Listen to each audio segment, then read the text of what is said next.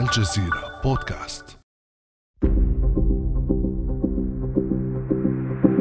ما لا يقل عن ثلاثين معتقلا في تونس بينهم سياسيون ونشطاء ومحامون ونقابيون ووزراء بالإضافة إلى عديد الملاحقات القضائية ضد معارضين لسياسات الرئيس قيس سعيد. سعيد الذي سبق أن وصف معارضيه بالحشرات وشبههم بالخلايا السرطانية.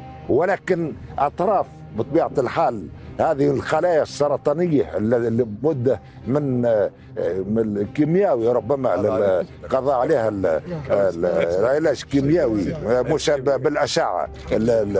حتى القضاء على كل هذه الخلايا السرطانية التي تريد ضرب البلاد. رئيس البرلمان المنحل ورئيس حركة النهضة راشد الغنوشي يعد أبرز هؤلاء المعتقلين. بتهم يراها قيس سعيد وأنصاره قانونية بينما يعتبرها حقوقيون مجرد تهم سياسية ملفقة. فبأي تهم يعتقل قيس سعيد معارضيه؟ ولماذا يصاعد الرئيس التونسي من حملة الاعتقالات؟ وما الخيارات المتبقية أمام المعارضة التونسية في ظل اتساع دائرة الاعتقالات؟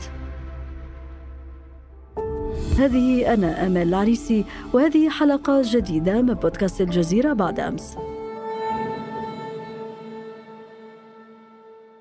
يسعدني أن يكون معنا عضو هيئة الدفاع عن المعتقلين السياسيين في تونس الأستاذ كريم المرزوقي. أهلا وسهلا بك أستاذ كريم. مرحبا أستاذة ومرحبا بكل المستمعين. أستاذ كريم ما قصة الاعتقالات في تونس كيف بدأت وإلى أين وصلت؟ في البداية انطلقت الاعتقالات في تونس منذ انقلاب 25 جويليا حينما حرك رئيس الجمهورية أداة القضاء العسكري لاستهداف نواب في البرلمان الذي تم حله فيما كانت تعرف بقضية المطار رئيس الجمهورية يوم 25 جويليا أريد أن أذكر أثبت نيته في التدخل في القضاء لتمهيد واعتقال معارضيه حينما سمى نفسه رئيسا للنيابة العمومية وحينها المجلس الأعلى للقضاء رفض ذلك وكان مصيره في النهاية الحل. انطلقت الاعتقالات ضد عديد الأصوات المزعجة بالنسبة لرئيس الجمهورية واستخدم في ذلك القضاء العسكري ولكن أيضا القضاء العدلي عن طريق وزيرة العدل حيث يوجد فصل في مجلة الإجراءات الجزائية وهو الفصل 23 يمكن وزيرة العدل أن تطلب من النيابة العمومية إثارة التتبعات. وهذا الفصل هو فصل كان مهجورا لم يتم استعماله في الواقع إلا نادرا جدا. ولكن لم يسبق أن تم استعماله في تاريخ القضاء التونسي كما استعمل بعد الانقلاب. هذا الفصل قامت على أساسه وزيرة العدل بطلب تتبع عديد المعارضين سواء قيادات حزبية أو نواب أو وزراء. هذه الاعتقالات شملت معارضين من مختلف أطياف الطيف السياسي أو مختلف شرائح الطيف السياسي يمنة ويسارا شملت قيادات حزبية شملت صحفيين شملت محامين وشملت أيضا قضاة واجمالا كل من كان صوته مرتفعا في مواجهة الانقلاب وتحديدا الانتهاكات الحقوقية التي حصلت. في التدقيق آخر يعني حملات الاعتقالات هي تلك التي تمت في شهر فبراير الماضي وشملت قيادات سياسية قيادات حزبية أمناء عام لأحزاب نواب سابقين وزراء سابقين محامين قضاة وبما أشر على خطوة تصعيدية جديدة من السلطة. ولم تستثني هذه الموجة موجة الاعتقالات والملاحقات القضائية النشطاء وصحفيين ورجال الأعمال كذلك أستاذ كريم. بالضبط هذه الملاحقات القضائية شملت عموما كل المهتمين بالشأن العام ومن مختلف مواقعهم الذين كانوا يدافعون عن أنفسهم وعن حريتهم، يعني حينما نتحدث مثلا عن السياسيين نتحدث عن حرية الرأي، حرية التعبير وحرية الاجتماع، ولكن لاحظنا يعني في قضية التآمر على أمن الدولة التي أثارها رئيس الجمهورية عن طريق وزيرة العدل وهذا ما تؤكده أوراق الملف ورئيس الجمهورية تدخل سابقا في سير الأبحاث.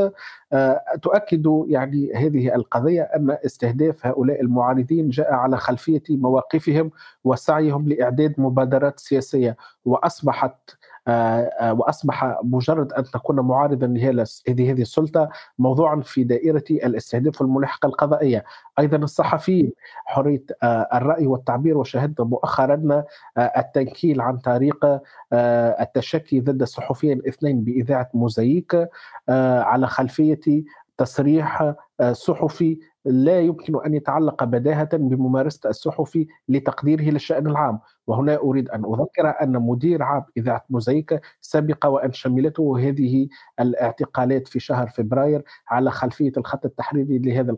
لهذه الإذاعة وتم لاحقا محاولة الإيهام بتورطه في قضايا فساد بالي وأكد محامو آه، مدير عام إذاعة موزايك أن التقارير المالية من الهيئات الرقابية أثبتت براءته من كل التهم الموجهة ضده طيب ما الذي يريده قيس سعيد وما هدفه من وراء اعتقال قادة ورموز المعارضة بالخصوص؟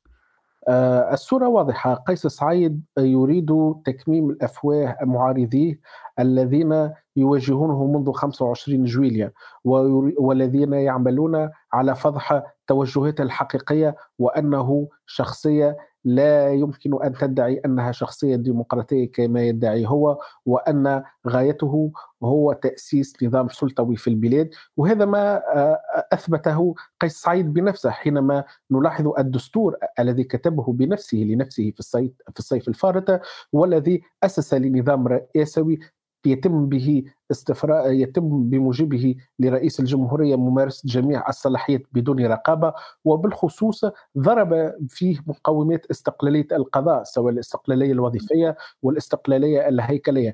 آه، هؤلاء المعارضين أزعجوا رئيس الجمهورية وهذا طبيعي يعني تونس منذ 2011 كان جميع المعارضين يمارسون جميع حريتهم ولم يتم تتبعهم في أي مناسبة على خلفية هذه الحرية. ولكن جاء رئيس الجمهورية قيس سعيد وبعد الانقلاب وأصبح يستهدف هذه المعارضة ولا يستطيع قبول الرأي الآخر بل يتهم معارضيه بأنهم إرهابيين وبأنهم يتآمرون على أمن الدولة ولذلك لا خيار لديه بالنسبة إليها إلا وضعهم في السجون وهذا ما يؤشر على حقيقة مشروع رئيس الدولة قيس سعيد. لكن أستاذ كريم مشروع سعيد الذي أشرت إليه يقول من خلاله آه، الرئيس التونسي إن هدف هذه الحملات هو حماية الدولة التونسية. في المقابل يعتبر معارض سعيد هذه الحملات تصفية للمعارضة. في الواقع إن ما يدعيه رئيس الدولة قيس سعيد هو دائما المبرر الذي يقدمه آه، الدكتاتوريون والشخصيات المستبدة أو السلطوية على الأقل في أبسط توصيف لتبرير التضييق والتقييد على الحريات واستهداف المعارضين والأصوات الحرة بصفة عامة. آه، أريد أن أذكر أن أحد مقومات الخطاب رئيس الدولة يقوم على المؤامراتية وأن جميع المعارضون عفوا أن جميع المعارضين هم متآمرين عليه وأنهم آه، آه، بل وصف عديد المعارضين بأنهم يقومون بأعمال إرهابية وأنهم يسرقون قوت الشعب. وهذا هو ما يعكس حقيقة الخطاب الشعبوي المؤامراتي لرئيس الدولة. بالنهاية هو آه، أثبت أنه يقود مشروعا سلطويا قام بتعليق المسار الانتقال الديمقراطي في تونس وهذا بشهادة المجتمع المدني الحقوقي في تونس ولكن أيضا بشهادة المنظمات الحقوقية الدولية منظمة العفو الدولية منظمة هيومن رايتس ووتش منظمة أوروميد. يعني الأمر آه، أصبح لا يحتاج إلى إثباتات بأن اليوم رئيس الدولة وضع تونس وللأسف على سكة الرده عن المسار الديمقراطي و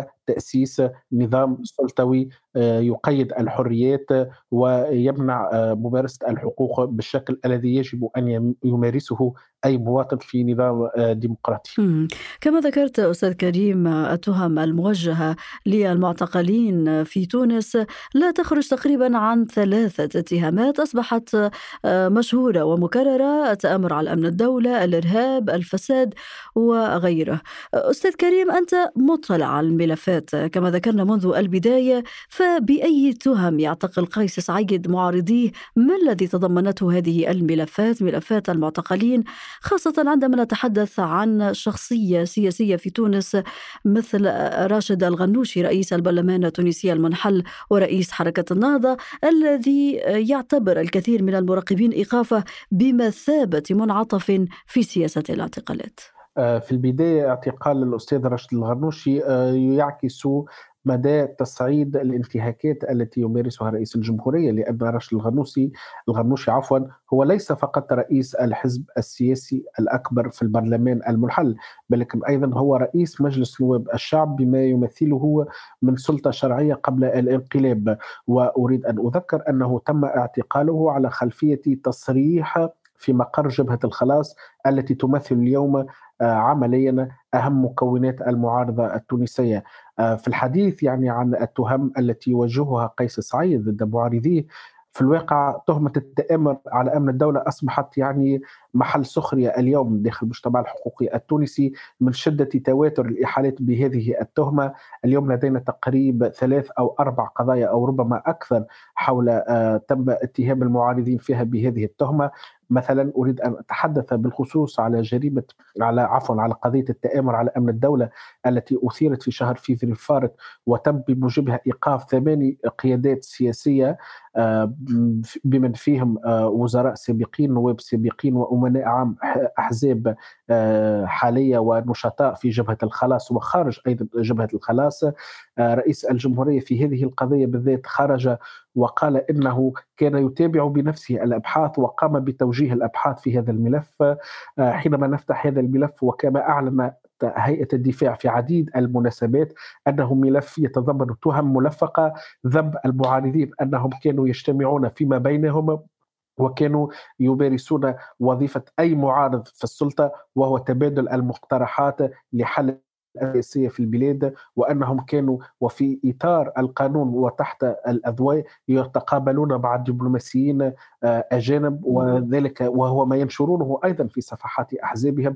آه، وبالنهاية آه، لم يجد رئيس الجمهورية أي حل لمواجهة هؤلاء المعارضين الذين أزعجوه وأحرجوه خاصة وأنه فشل في إدارة الملف الاقتصادي والاجتماعي في البلاد إلا أن يضعهم في السجن. يعني من سخرية القدر أنهم أنه يتهم نواب هم من صاغوا قانون مكافحة الإرهاب قبل سنوات في فترة الانتقال الديمقراطي. يتهم هؤلاء النواب بأنهم اليوم هم آه، من هم إرهابيون وهذا يعني يعكس مضي رئيس الجمهورية في وضع عتات في استعمال كل التهم الممكنة تبرير وضع هؤلاء المعارضين في السجون. على ذكر الأزمة الاقتصادية في تونس، بعض الموقوفين تم اتهامهم بالوقوف وراء أزمات توزيع السلع والاحتكار وارتفاع الأسعار وغيرها من التهم، فبرأيك إلى أي مدى هذه التهم تتعارض مع القوانين التونسية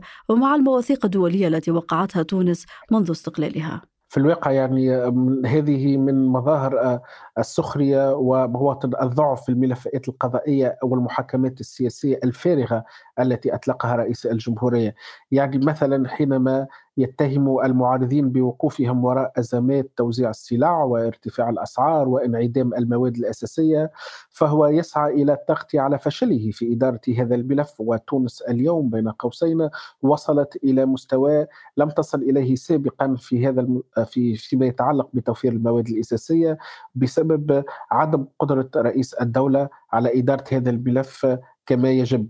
آه، يعني مثلا اليوم حينما في هذه القضية تحديدا وأعود إليها دائما قضية التآمر آه، حينما نفتح هذا الملف لا نجد لا نجد أي قارنة تثبت تورط أي سياسي معارض فيما ادعاه رئيس الجمهورية.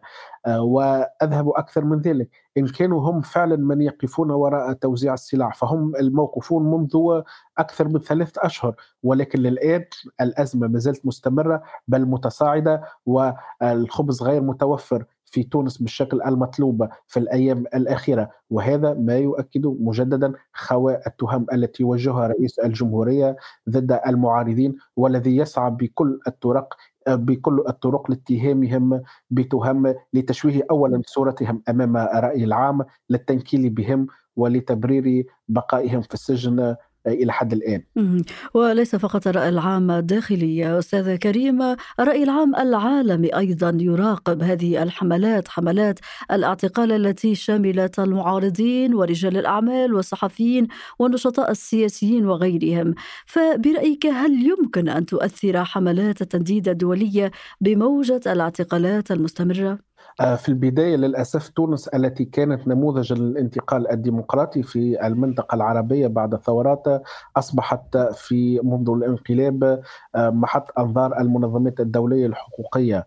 آه، أريد أن أذكر نهاية الأسبوع المنقضي انعقدت ندوة دولية حول استقلال القضاء بحضور رئيس الاتحاد الدولي للقضاء وبمشاركة المقرر الأممية لاستقلال القضاء والمحاماة وحقوقيين محليين ودوليين وجميعهم معهم أكدوا أن مقومه استقلالية القضاء في تونس أصبحت مفقودة وأن رئيس الجمهورية لم يقم باستهداف استقلالية القضاء إلا بغاية وضع يده على القضاء وممارسة التهديدات ضد القضاة المبشرين بغاية تيسير المحاكمات السياسية. لكن أستاذ كريم الرئيس التونسي قيس سعيد لطالما نفى وضع يده على القضاء التونسي ويؤكد استقلالية القضاء. رئيس الجمهورية يدعي أنه ديمقراطي وأنه لم يتدخل في القضاء وأنه يعني كأنه ملاك يعني والواقع يعارض ما يقوله. يعني حينما يتحدث مثلا على استقلالية القضاء أريد أن أذكر أن رئيس الجمهورية قام بحل المجلس الأعلى للقضاء المستقل وقام بتنصيب مجلس مؤقت قام هو بتعيين أعضائه. أريد أن أذكر أن رئيس الجمهورية ومنذ 1 جمعة الفارط مكن لنفسه الصلاحية القانونية لإعفاء أي قاضي بمجرد تقارير ودون تمكين القضاة من مبدأ المواجهة وحق الدفاع. وقام على إثر ذلك. وفي نفس اليوم هذا التعديل القانوني بإعفاء 57 قاضيا في تونس. آه، جلهم القضاة التحقيق وقضاة النيابة العمومية. وقد أكدت شهادات العلنية للعديد منهم أن إعفائهم هو كان نتيجة لتمسكهم باستقلاليتهم ورفضهم تنفيذ طلبات السلطة السياسية وطلبات الأجهزة الأمنية. وهؤلاء القضاة المعفيين توجهوا إلى المحكمة الإدارية واستصدروا لفائدتهم أحكام وقرارات بإيقاف تنفيذ قرارات الإعفاء أي أنه يجب إعادتهم للعمل. ولكن رئيس الجمهورية الذي يدعي احترامه للقضاء رفض تطبيق قرارات المحكمة الإدارية. كل ذلك أدى إلى مناخ من آه، الرعب والتهديد في أوساط القضاة وهم يعاينون زملائهم تم إعفائهم وظلمهم تعسفيا. وهذا المناخ هو الذي يقود آه، هذا هذا المناخ هو الذي تدار فيه اليوم المحاكمات السياسية. للأسف نحن عانينا بأنفسنا في عديد الملفات قضاة التحقيق كأن هذه الملفات كرة نار وهم يصدرون قرارات غير مقتنعين بها ولكن للأسف هم اليوم تحت سيف الإعفاء لأن رئيس الجمهورية يمكن أن يصدر أمرا لإعفائهم ولا يمكن لهم العودة إلى عملهم ولو استصدروا حكما قضائيا لفائدتهم. ولفت أستاذ كريم أن الرئيس التونسي قيس سعيد بصدد الرفع من وتيرة هذه الاعتقالات كما لو أنه يستعجل إسكات كل الأصوات التي تحول دون إحكام قبضته على السلطة يقول معارضوه. فبرأيك ما الخيارات المتبقية أمام المعارضة في تونس للتصدي أو مواجهة هذه الحملة؟ آه، في البداية نعم أوافقك أن حملة الاعتقالات والمحاكمات السياسية تصاعدت واعتقال الأستاذ راشد الغنوشي كرئيس للبرلمان وبما أدى إلى تفاعلات على المستوى الدولي يؤكد أن رئيس الجمهورية يقوم بتصعيد آه، خطير وممنهج وأعتقد أن هذه الاعتقالات آه، أحد غايتها وعداء مسألة تكميم أفواه المعارضين أيضا لإيهام الرأي العام أنه ماض في المحاسبة ولكن آه هذا الإيهام غايته الخلفية هي أيضا التغطيه على فشله في إدارة الملف الاقتصادي والاجتماعي في البلاد آه وبخصوص يعني الخيارات المتبقية أمام المعارضة لا خيار أعتقد إلا المضي في آه، مواجهه المواجهة عن طريق الدفاع. عن المعتقلين آه، في هذه الملفات بكل الوسائل الممكنة سواء الوسائل القانونية الإجرائية وأيضا الوسائل السياسية بالضغط على السلطة لرفع يدها عن القضاء والكف عن تتبع المعارضين. رئيس الجمهورية قيس سعيد أريد أن أذكر أنه ربما يستعجل إغلاق الفضاء العام وبغاية استباق تهيئة مناخ سياسي مناسب له قبيل تنظيم الانتخابات الرئاسية العام المقبل وإن كانت الشكوك تحوم حول مدى مضيه في تنظيم هذه الانتخابات. نحن دائما ما نعلم ما نعلم وهذا مثلا أريد أن أذكر المثال المصري مع عبد الفتاح السيسي لا يتوجه إلى الانتخابات الرئاسية إلا بعد أن ضمن إبعاد كل معارضيه الجديين سواء آه، على مستوى ممارستهم لدورهم في الأحزاب وأيضا حتى على مستوى الإعلام. وهنا أريد أن أفتح قوس أن قيس سعيد ومن جملة آه، الانتهاكات ومن جملة ما يبين توجهه السلطوي أنه سيطر على الإعلام العمومي ونلاحظ إبعاد جميع الأصوات المعارضة في البرامج التلفزيونيه العمومية عدا ما يواجهه الإعلام الخاص من ضغوطات وهرسلة بوسائل مختلفة وقد تم وهنا أذكر أن التتبعات شملت نقيب الصحفيين التونسيين. فأعتقد أن المعارضة التونسية اليوم مطالبة أكثر من أي وقت مضى بتوحيد صفوفها للدفاع عن الحد الأدنى الديمقراطي أمام رئيس دولة أثبت أنه قام ب يسعى لغلق قوس الديمقراطية في تونس لتهيئة إنشاء نظام سلطوي في البلاد. ولكن في سياق حديثك عن الاستحقاق الانتخابي المقبل أستاذ كريم، الرئيس التونسي قيس سعيد لم يعلن نيته الترشح في الانتخابات القادمة، فبرأيك هل لهذه الاعتقالات علاقة أو تكشف بشكل غير مباشر نيته في الترشح؟ أعتقد أن رئيس الجمهورية غير صادق وغير صريح منذ البداية. السؤال فيما يتعلق بالانتخابات الانتخابات الرئاسية سئل عنها رئيس الدولة في شهر في أفريل الفارط وأجاب إجابة مبهمة وهو ما يؤكد وجود نوايا مريبة. يعني الإغلاق المجال العام هو غاية دائما ما تكون لأي حاكم يسعى لمنع وصول معارضيه أو قبل ذلك لمنع وجود تنافسية حقيقية أمام الرأي العام. ورئيس الجمهورية قيس سعيد في كل الأحوال هو أثبت أنه حامل لمشروع غير ديمقراطي لمشروع آه، يقيد من الحريات ويمنع ممارستها ويريد إغلاق الفضاء العام سواء بالنسبة للأحزاب بالنسبة للإعلام بالنسبة للنقابات وبالنسبة للجمعيات ولذلك فإن التصدي له هو ضرورة بالنسبة للمجتمع الديمقراطي في تونس. في الختام أستاذ كريم المعروف عن الشارع التونسي أنه لا يتوانى في قول كلمته.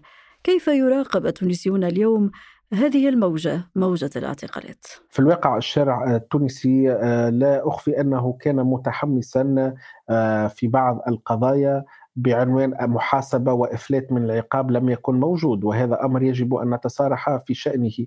ولكن حينما تبين أن هذه الملفات غايتها السياسية وهدفها هو تقييد الحريات واستهداف المعارضين بدأ يعي أن رئيس الدولة غير صادق في توجه المحاسبة. هذا من جانب من جانب آخر أن الشارع التونسي اليوم تهمه بدرجة أولى آه، وضعيته المعيشية المتردية وتبين أن رئيس الدولة الذي كان يدعي أنه يعمل على توفير آه، كل الظروف من أجل عيش آه، عيش جيد للتونسيين هو فاشل في هذا الملف وهؤلاء والشارع التونسي إجمالا اليوم يعي يوما بعد يوم أن أن البلاد دخلت في نفق مظلم وأن آه، المسار آه، الديمقراطي آه، هو بريء من تهمة أنه لم يكن مسارا منتجا على المستوى الاقتصادي والاجتماعي وأن السلطوية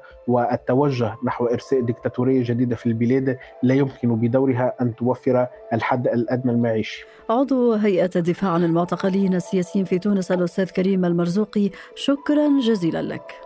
شكرا جزيلا لك أستاذة ولجميع المستمعين. كان هذا بعد أمس.